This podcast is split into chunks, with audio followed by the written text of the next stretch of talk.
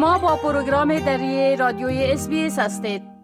حال جاوید روستاپور خبرنگار برنامه دری SBS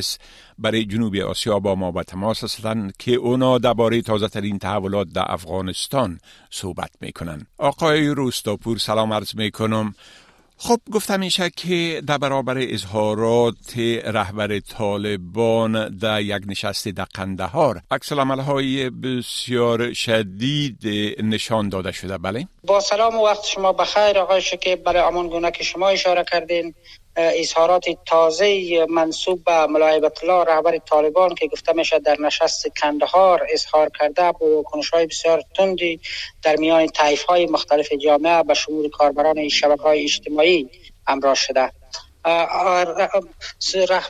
رهبر طالبان ملا الله گفته اگر نیازی باشد برای عملی کردن حدود شرعی بازم با امریکا خواهد جنگید. این سخنان ملا الله همچنان ام الله همچنان در این نشست هشدار داده که اگر نیاز شود به خاطر عملی کردن شریعت اسلامی او سری خود را قربان می‌کنه و از جان خود خواهد گذشت اما امریکا تلاش دارد که دموکراسی را در افغانستان پیاده کنه و او گفته که دیگر جایی برای دموکراسی و حقوق بشر در افغانستان وجود نداره و اونا به خاطر پیاده کردن شریعت حکومت را گرفتن و سالها در برابر آمریکایی ها جنگیدن شماری از آگاهان سیاسی گفتند که اظهارات این چنینی نه تنها طالبا را بلکه کشور را هنوزم به انزوای سیاسی می‌برد و مردم را در یک مشکلات جدی برای دائم قرار می که این مسئله سبب خواهد شد که در نهایت هم حکومت طالبان سرنگون خواهد شد و هم مردم افغانستان چیزی به دست نخواهند آورد. به گفته و یا به باوری آگاهان سیاسی جهان امروز یا عصر 21 به یک دهکده تبدیل شده و بدون تعامل جهانی و بدون همپذیری در جهان امروزی زندگی فردی حتی ناممکن است. چی برسد؟ به اینکه یک دولت یا یک کشور در مقابل خاص جهانی در مقابل آنچه حق مسلم مردم است ایستادگی کند و همه ارزش هایی را که دنیا به او تمکین کرده و او را پذیرفتن نادیده بگیرد. مخالفان طالبان هم تاکیدشان نخستی است که نشست ها را نامشروع اعلام کردند و گفتند که چنین نشست های گره از بحران افغانستان نخواهد کشود. شماری از کاربران شبکه های اجتماعی هم در پیوند با اظهارات طالبان گفتند که این گونه اظهارات سبب خواهد شد که طالبان چانسی نیمه ایرم که در رابطه با رسمیت شناختن داشتن او را از دست خواهند داد و چیزی که با این عمل کرد طالبان به دست میارن او انزوای سیاسی و بدبخت ساختن و فقر و بیشتر ناامنی به اصطلاح ذهنی و روحی و روانی برای مردم افغانستان است. دیگر چیزی به دست نخواهند آورد. بله خب طبق یک سروی که انجام یافته 92 فیصد از مردم افغانستان از عملکرد طالبا ناراضی هستند. میشه که لطفا در این باره یک مقدار توضیحات بتین دقیقا همزمان با یک سالگی تسلط طالبان بر افغانستان سازمان موسوم به سازمان تحقیقات راوردی و مطالعه و توسعه افغانستان در یک نظرسنجی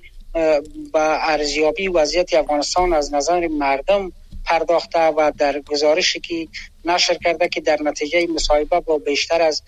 دو هزار نفر در 20 ولایت افغانستان از مجموع 34 ولایت مشخص شده که 92 درصد مصاحبه شوندگان از عمل کردی یک سال اخیر طالبان ناراضند. در گزارشی سازمان پژوهشی آمده که تنها 8 درصد دهندگان از عملکرد طالبان در یک سال گذشته به نوعی اظهار رضایت کردند. این سازمان همچنان در گزارشش گفته که افرادی که در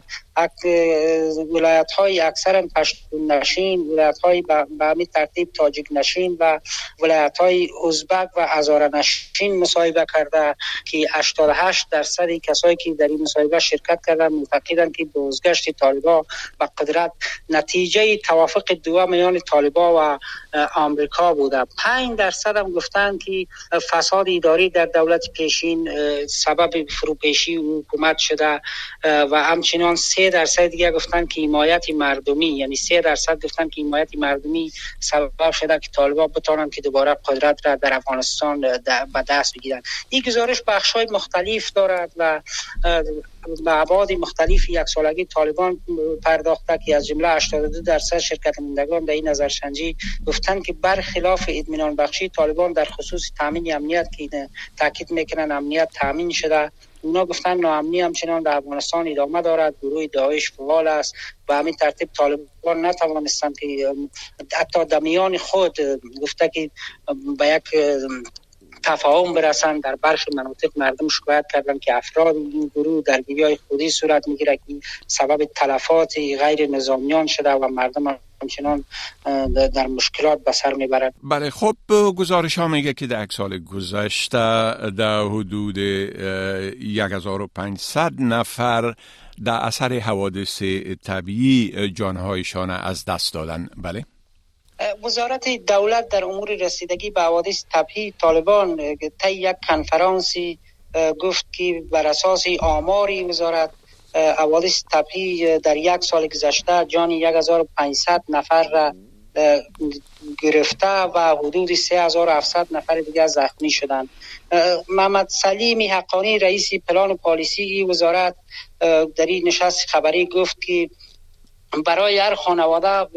جان باخته اینا صد هزار افغانی و برای خانواده زخمیان نیز پول نقد کمک کردن در این مدت. اما این در حالی است که امین روز گذشته شماری از کسایی که خانه و کاشانه شد سیلاب های روزها و هفته های اخیر با خود برده در ولایت های مختلف افغانستان یا شکایت کردن و برخی رسانه ها گزارش کردن که طالبا کمک هایی که سازمان های بین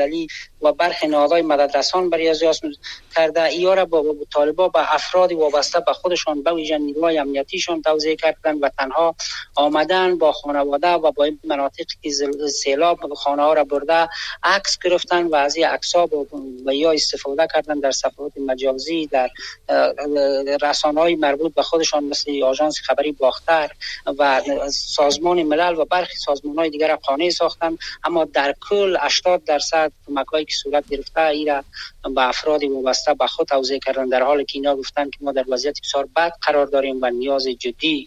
به کمک داریم. ولی طالبا به جای از که به ایمان حکومت و مسئول کمک کنند این کمک ها را به افراد خود اختصاص دادند بله خب بسیار تشکر آقای روستاپور از این معلوماتتان. و فعلا شما را به خدا می سپارم و روز خوش برتان آرزو می کنم وقت شما هم خوش خدا نگهدارتان. می خواهید این گونه گزارش ها را بیشتر بشنوید؟ با این گزارشات از طریق Apple Podcast، Google Podcast، Spotify و یا هر جایی که پادکاستتان را می گیرید گوش دهید.